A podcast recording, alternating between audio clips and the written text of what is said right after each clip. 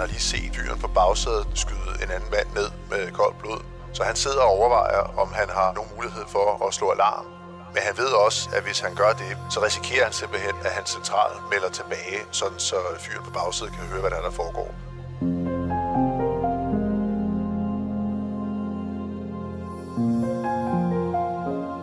En verserende rocker-bande-konflikt. Et rockermiljøs uskrevne regler for hassalg på Christiania. Og et koldblodigt hævndrab ved en mindehøjtidlighed, der rammer den forkerte mand. Det er bare noget af det, du kommer til at høre om i denne udgave af Danske Drabsager. Vi går tæt på to tragiske sager, der på bare fire dage kostede to unge mænd livet i sommeren 2009. Vært på dette afsnit er politihistoriker Anders Brandt Lundager, og til at fortælle om sagen har han talt med forfatter og rockerekspert Carsten Norton. Mit navn er Stine Bolter. Velkommen til podcasten Danske Drabsager, fortalt af de fagfolk, der har været helt tæt på. Det er en varm, solrig onsdag formiddag i København. En 26-årig mand svinger sin bil ind på en lille parkeringsplads bag den grå hal på Christiania. Han trækker håndbremsen og drejer nøglen i tændingslåsen for at slukke køretøjet. I samme nu fornemmer han en maskeret person, der i en hurtig bevægelse placerer sig tæt op ad bilen. Den unge mand reagerer instinktivt og forsøger med al magt at komme ud af bilen. Men det kan han ikke. Han er fanget prisgivet til sin skæbne. Den maskerede person sætter sin fod på førerdøren, hæver sit våben og affyrer på klodshold flere skud mod sit forsvarsløse offer. Forfatter og rockerekspert Carsten Norton tager os med tilbage til sommeren 2009, hvor sagen her tog sin begyndelse. Den 1. juli 2009, der er der en øh, fyr, der hedder Ahmed Jamali, som øh, har haft et øh, ærende i Amager-centret. Han er i øh, det, man kunne kalde det kriminelle miljø, kendt for at være hashhandler. Da han forlader Amager-centret, så øh, sætter han kurs i sin lille bil over mod Christiania. Og her, der fortsætter han ligesom rundt om, om fristaden til øh, Refshalvej, hvor han parkerer bilen bag den ejendom, der hedder Den Grå Hal. Og i det, han har parkeret og gør sig klar til at stige ud af bilen, der kommer der en person på cykel, som blokerer for døren til bilen, så Jamali ikke kan stige ud. Og øh, nogenlunde samtidig, så trækker personen på cyklen en pistol og skyder Jamali ind gennem ruden i bilen. Personen på cyklen fortsætter væk fra Christiania videre ud af, af Repsalvej. Kort efter at lyden af skud havde runget i gaderne bag den grå hal, ankom en større politistyrke til stedet. De begyndte straks at afspære gerningsstedet, og derpå kunne kriminalteknikerne påbegynde deres undersøgelser. Andre politifolk talte med flere af de vidner, der tilfældigvis havde opholdt sig i nærheden under skudattentatet. Carsten Norton fortæller. Noget af det, som politiet kan konstatere omkring gerningsstedet, som jo altså er denne her bil, Jamali befinder sig i, det er for eksempel det her med, at der har været plantet en fod på døren ind til førersædet. Det vidner jo om, at gerningsmanden har forhindret Jamali i at komme ud af bilen. Der er blevet skudt ind gennem den bagerste siderude i førersiden, sådan så skuddene har, har ramt Jamali sådan skråt bagfra, kan man sige. Og de her ting er jo, altså blandt andet det her fodaftryk på, på siden af, af bilen, er noget af det, som, som sidenhen bliver afgørende i deres øh, efterforskning af den her sag selve drabet på Jamali, det finder jo sted sådan i de tidlige formiddagstimer, hvor der sådan er ret fredeligt sådan rundt om på Christiania. Der er jo alligevel et par stykker, som mere eller mindre bliver ufrivillige vidner til episoden. Der er for eksempel øh, nogle kvinder, der befinder sig nede i området omkring den grå hal, der hører selve på styret, og selvfølgelig bliver meget, meget forskrækket over at, at, at blive vidner til, til det her drab. Og så er der en murer, som øh, går og laver noget arbejde op på et tag på en af de omkringliggende ejendomme, som fra sin placering også kan se, at der sker et eller andet. Han hører smældet fra pistolskuddene, og han ser også en skikkelse køre væk på cykel ud af Refshalvej. Foruden afhøringen af vidner og de kriminaltekniske undersøgelser på gerningsstedet, så politiet nærmere på, hvem den dræbte var. Og ikke mindst, hvem der kunne have haft en interesse i at gøre ham ondt. Det mest i øjenfaldende i den forbindelse var den dræbte mands relationer til Christiania og hashandlen i fristaden. Carsten Norton fortæller. Jamali er jo ikke en person, som selv har stået og handlet med hash inde i øh, Christiania. Han er en person, der lige har befundet sig i hvert fald et eller flere skridt længere væk fra hashhandlen, eller i hierarkiet, kunne man også kalde det. Men altså, han har et, øh, et vis omdømme i miljøet. Han er også kendt for at være en øh, dygtig forretningsmand. Altså, han er god til at tjene penge på det, han nogle gange beskæftiger sig med. Og øh, relativt kort inden han bliver dræbt på Christiania, der har han befundet sig i et øh, selskab på en restaurant på Vesterbro, sammen med nogle andre figurer fra Københavns underverden, kan vi kalde det for. Og mens de sidder på den her restaurant, der bliver der skudt ind gennem vinduerne. Og det her skudattentat, det mener politiet ret hurtigt øh, at kunne konstatere, peger sådan i retning af, af rockermiljøet, og så nærmere bestemt mod Hells Angels. Så sådan, hvad skal man sige, sådan helt overordnet betragtet, så har vi at gøre med øh, en, en mand, Jamali, som befinder sig et eller andet sted i det kriminelle miljø. Han er kendt som hashhandler, dygtig forretningsmand, og han har altså også været, om ikke øh, genstand for, så været til stede i forbindelse med et attentat mod nogen i underverdenen.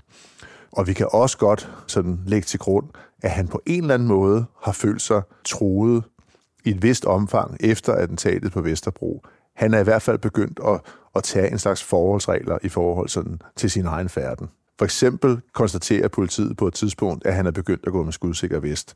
Og det går man ud fra. Det er jo ikke noget, man bare gør for sjov. Det er noget, man gør, fordi man mener, man har brug for en eller anden form for beskyttelse. Den dræbte mand havde altså følt sig truet forud for attentatet. Og han var en mand, der til synligheden havde haft et godt greb om at føre forretninger. Nærmere bestemt med salg af rusmidler. Han var derfor ikke ukendt af politiet, der mistænkte ham for at forsyne pushere på Christiania med hash og andre euforiserende stoffer. Salget af narkotika på Christiania var imidlertid ikke forbeholdt hvem som helst. Sådan helt overordnet set, så på det her tidspunkt i 2009, så hvad skal man sige, for folk, der sådan udefra kommer ind på Christiania og bevæger sig hen mod Pusher Street for at købe et eller andet, det første, de møder på deres vej ind, det er den, skal man kalde det for, øh, foranstaltning, som blev kaldt for fronten på det her tidspunkt. Og fronten er øh, ikke en selvstændig bod, men det er simpelthen en slags vagtpostering, hvor der står nogen med relation til, til HA, som kontrollerer, hvem er det, der handler i gaden, som Pusher Street også bliver kaldt for. Så, så det er sådan en, øh, en, en på en måde er det jo et, øh, et umiddelbart anarkistisk miljø, man befinder sig i, men det er absolut også et, øh, et sted, der er reguleret efter nogle, nogle meget klare og, og, og dog stadig uskrevne regler. Så sådan overordnet betragtet, så har HA en vis kontrol med, hvem det er, der handler i, øh, i Pusher Street på det her tidspunkt.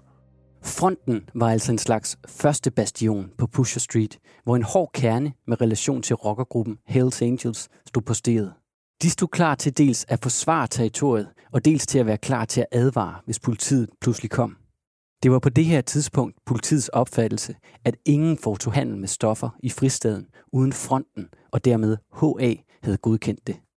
Med tanke på det tidligere skudattentat, udført af en HA-relateret på en restaurant på Vesterbro, hvor den 26-årige havde været til stede, og med tanke på hele HA's konstruktion omkring fronten og hashhandlen på Christiania, ja, så var det nærliggende, at politiets opmærksomhed efterhånden rettede sig mod en gerningsmand, der skulle findes i miljøet omkring HA. Med tiden rettede mistanken sig endda mod et konkret, fuldgyldigt medlem af HA. Og var politiets antagelse korrekt, at HA var impliceret i drabet, ja, så var det også interessant at se nærmere på, om den dræbte havde tilhørt nogle af de kriminelle fraktioner, der på det her tidspunkt var i konflikt med HA. Carsten Norton fortæller.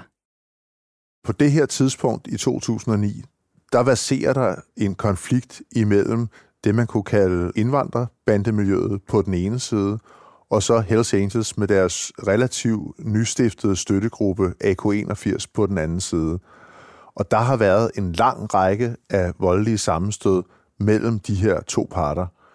Det, der har karakteriseret sammenstødene hidtil, det er, at der har det været indvandrergrupperne på den ene side, og så har det været støttegruppen AK81 på den anden side, som den, hvad skal man sige, udøvende instans. Altså det er AK81'erne, der har været sendt i byen, betragter politiet det som, for at gå HA's ærende i forhold til deres modpart, altså i, i bandemiljøet.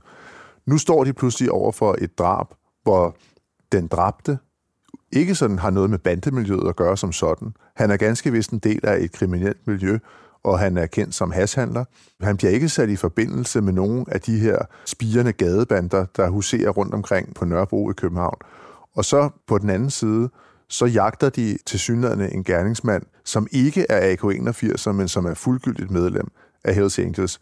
Og det vidner måske i politiets øjne om, at det her det er et attentat af en lidt anden karakter, end dem, man sådan ser næsten i det daglige, hvor parterne tørner sammen rundt omkring i København. Politiet var ikke alene om at formode en forbindelse mellem HA og skudattentatet på den 26-årige mand ved den grå hal. Faktisk svirede det med rygter, der pegede i den retning. Og netop formodninger og rygter i kredsene omkring offeret skulle give Christiania-drabsagen et fatalt efterspil. Mens politiet efterforsker drabet på Jamali, så skaber det jo også rystelser i indvandrermiljøet i Storkøbenhavn. Og her der er man ret overbevist om, at, at det her drab det er udført af nogen med relationer til HA. Og, øh, og nærmere bestemt, så er man åbenbart i hvert fald i visse kredse overbevist om, at det er en fyr, som øh, hed Olcay Ynal, som i miljøet blev kaldt for Olle, der skulle være gerningsmanden bag det her. Olcay Ynal havde tyrkiske rødder og kom fra Amager og havde flere gode venner i Hells Angels. Blandt andet et højt placeret medlem fra klubbens Amager-afdeling, den der hedder Nomads. Der var han bedste venner med et medlem, der blev kaldt Brock. Han var aldrig selv medlem af HA, men altså var kendt i miljøet for at, at have de her tætte bånd med medlemmer. Og så var han i øvrigt kendt for at være en levemand i det kriminelle miljø.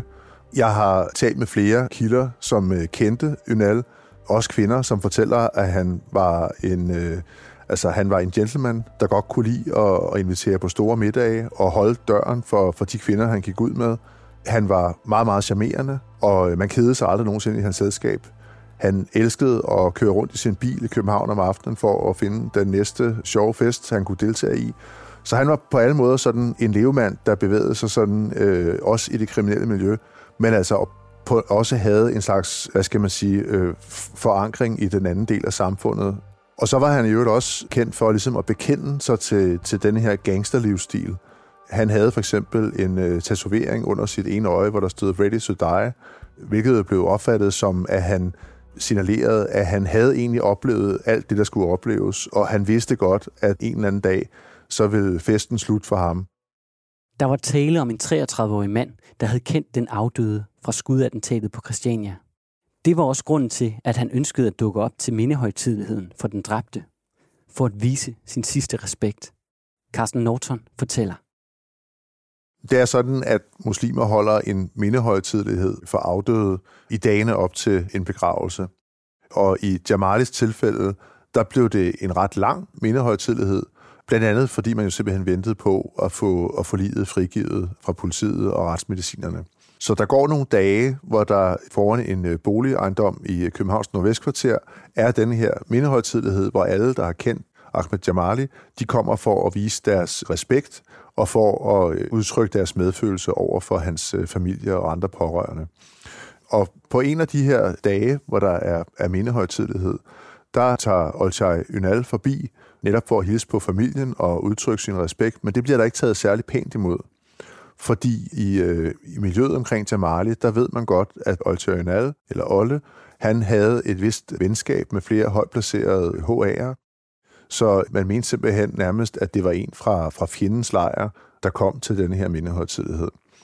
Det mærkede Ynal ret tydeligt, og han, han trak sig ligesom fra, fra arrangementet, og havde sådan umiddelbart ikke tænkt sig at vende tilbage igen.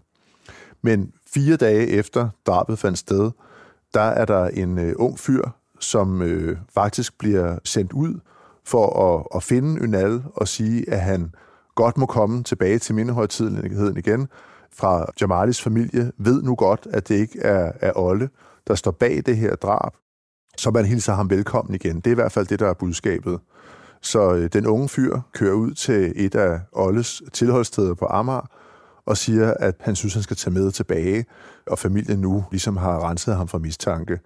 Det er Olle ikke umiddelbart sådan særlig stemt for at gøre, men han ender alligevel med at lade sig overbevise og køre med tilbage til mindehøjtidligheden.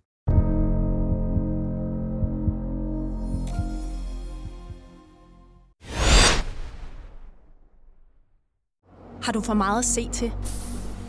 Eller sagt ja til for meget? Føler du, at du er for blød? Eller er tonen for hård? Skal du sige fra? Eller sige op? Det er okay at være i tvivl. Start et godt arbejdsliv med en fagforening, der sørger for gode arbejdsvilkår, trivsel og faglig udvikling. Find den rigtige fagforening på dinfagforening.dk Vi har opfyldt et ønske hos danskerne. Nemlig at se den ikoniske tom skildpadde ret sammen med vores McFlurry.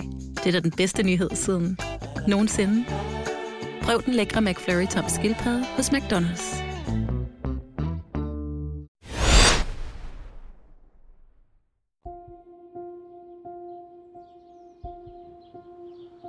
Det er anden gang den 33-årige er her i Københavns Nordvestkvarter for at vise sin døde kammerat respekt. Han stiger ud af en blå og hvid taxa og ser sig omkring. Mange mennesker er mødt frem. Sørgende familiemedlemmer og venner til den 26-årige, der få dage forinden er blevet dræbt ved et skudattentat. Den 33-årige går hen til et bord, giver hånd og hilser på to mænd. Og han er lige ved at sætte sig, da en ung mand i selskabet pludselig trækker et håndvåben frem, sigter og affyrer en byge af skud.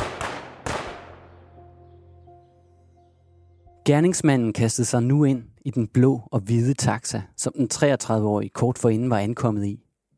Han troede taxachaufføren ud på en dramatisk flugt. Carsten Norton fortæller.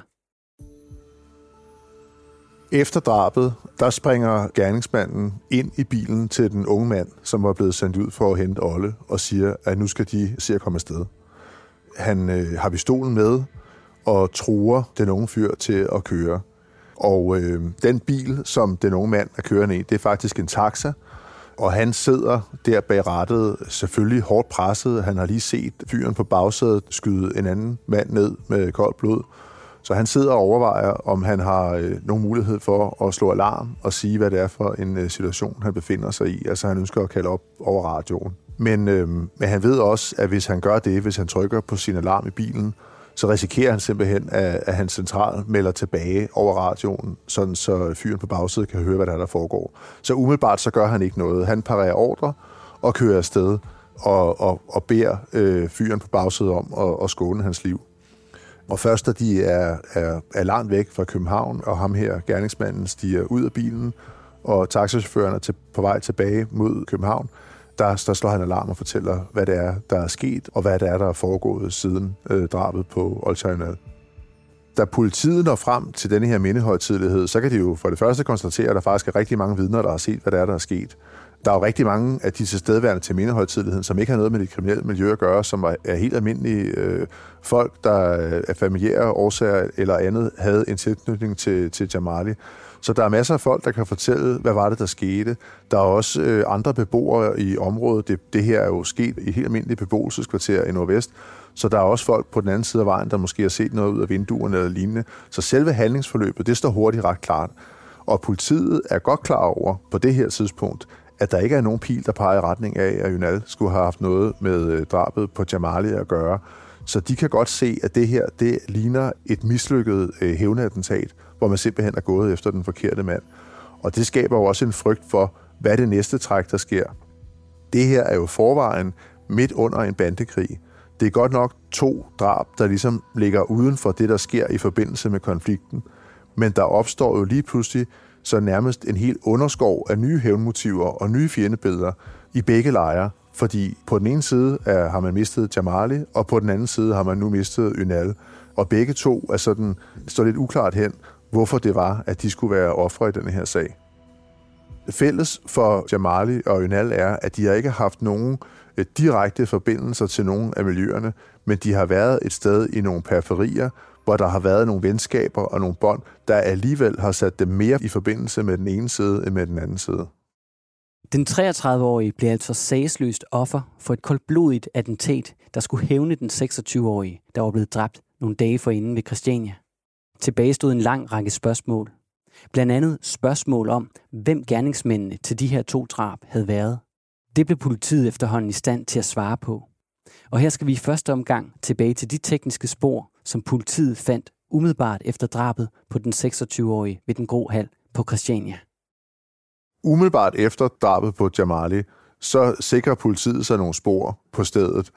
Et af sporene er jo som sagt det her såleaftryk på bilen, altså på den bildør, som man øh, blokerer, så øh, Jamali ikke kan komme ud, mens han bliver skudt.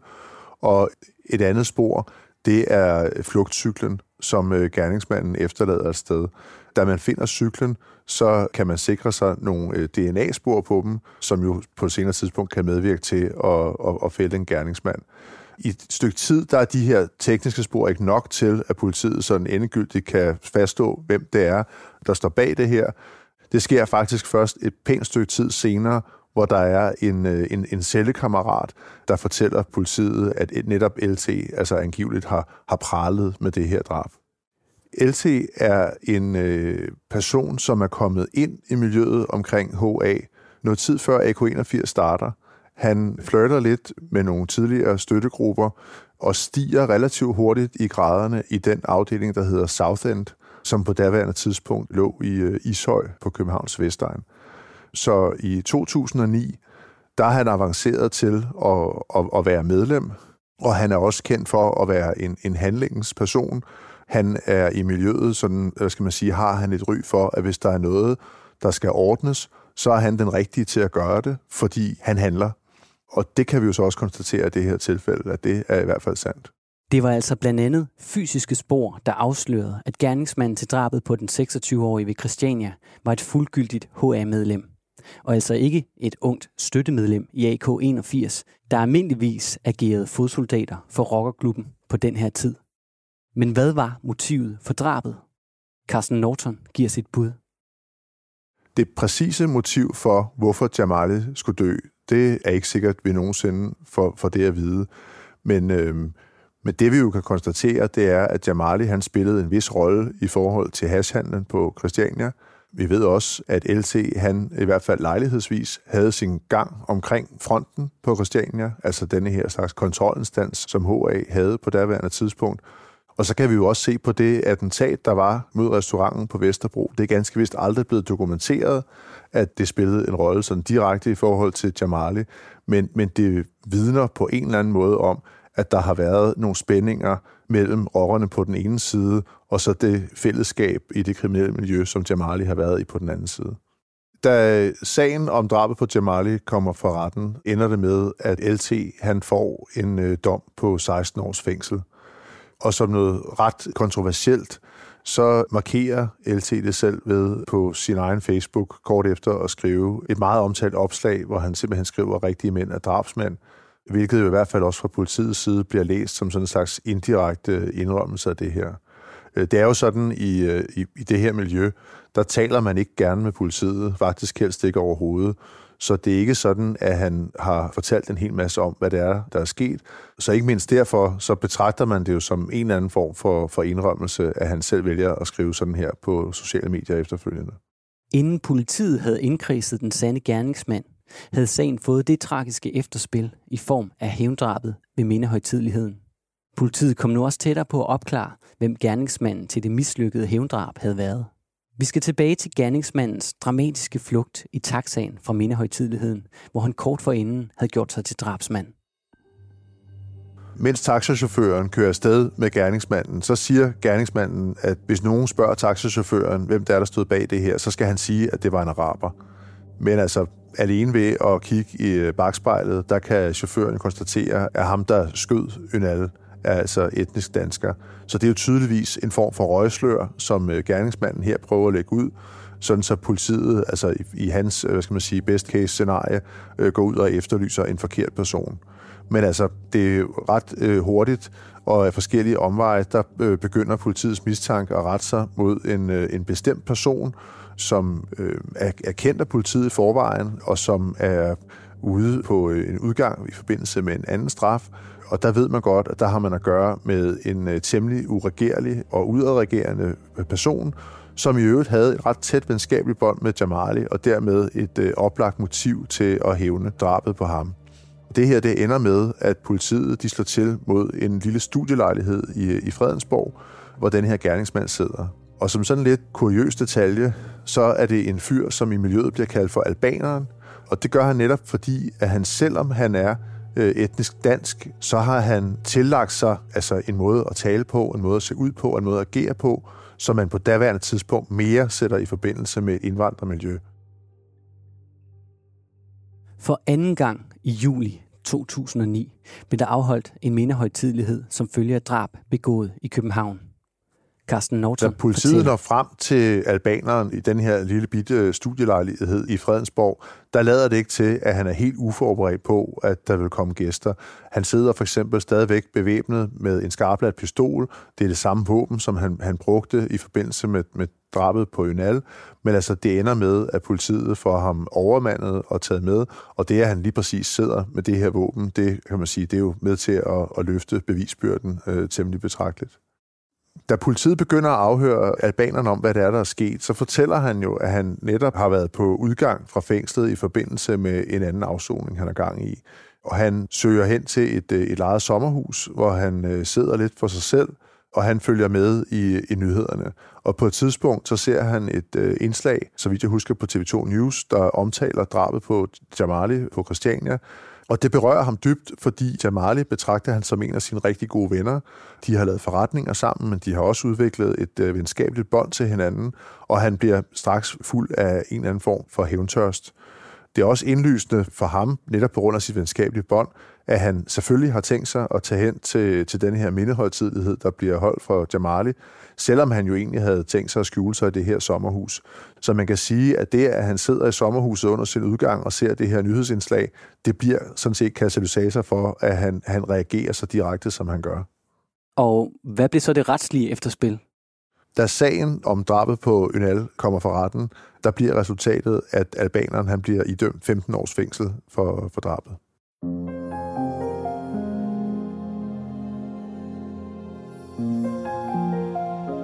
Selvom motivet for drabet på den 26-årige mand aldrig er blevet endeligt klarlagt, var det dengang politiets opfattelse, at der var tale om et opgør i kriminelle kredse på Christiania. Lederen af Københavns politis nyoprettede bandeenhed udtalte dengang i pressen, at pilen pegede mod Christiania, og at det motivmæssigt var politiets helt klare fornemmelse, at drabet var begået som led i interne stridigheder i det kriminelle miljø Politiet anså altså ikke drabene for at være en direkte del af den dengang baserende rocker-bande-konflikt. Men som bandeenhedens chef udtalte, var aktørerne nogle af de samme, som indgik i konflikten. Sikkert er det i midlertid, at drabet ved Christiania førte til et forsøg på et hævnattentat, der kostede endnu en mand livet. Vil du høre mere om rockernes dramatiske Danmarks historie, kan du finde flere af vores afsnit i Danske Drabsager. Du søger bare på Danske Rockerdrab i din foretrukne podcast-app. Tak til forfatter og rockerekspert Carsten Norton. Vært på denne episode var historiker Anders Brandt Lundager. Speaks indtalt af Henrik Forsum. Musik af Potmusik. Klippet af Rasmus Svinger og produceret af Bauer Media og True Crime Agency. Mit navn er Stine Bolter. Tak fordi du lyttede med.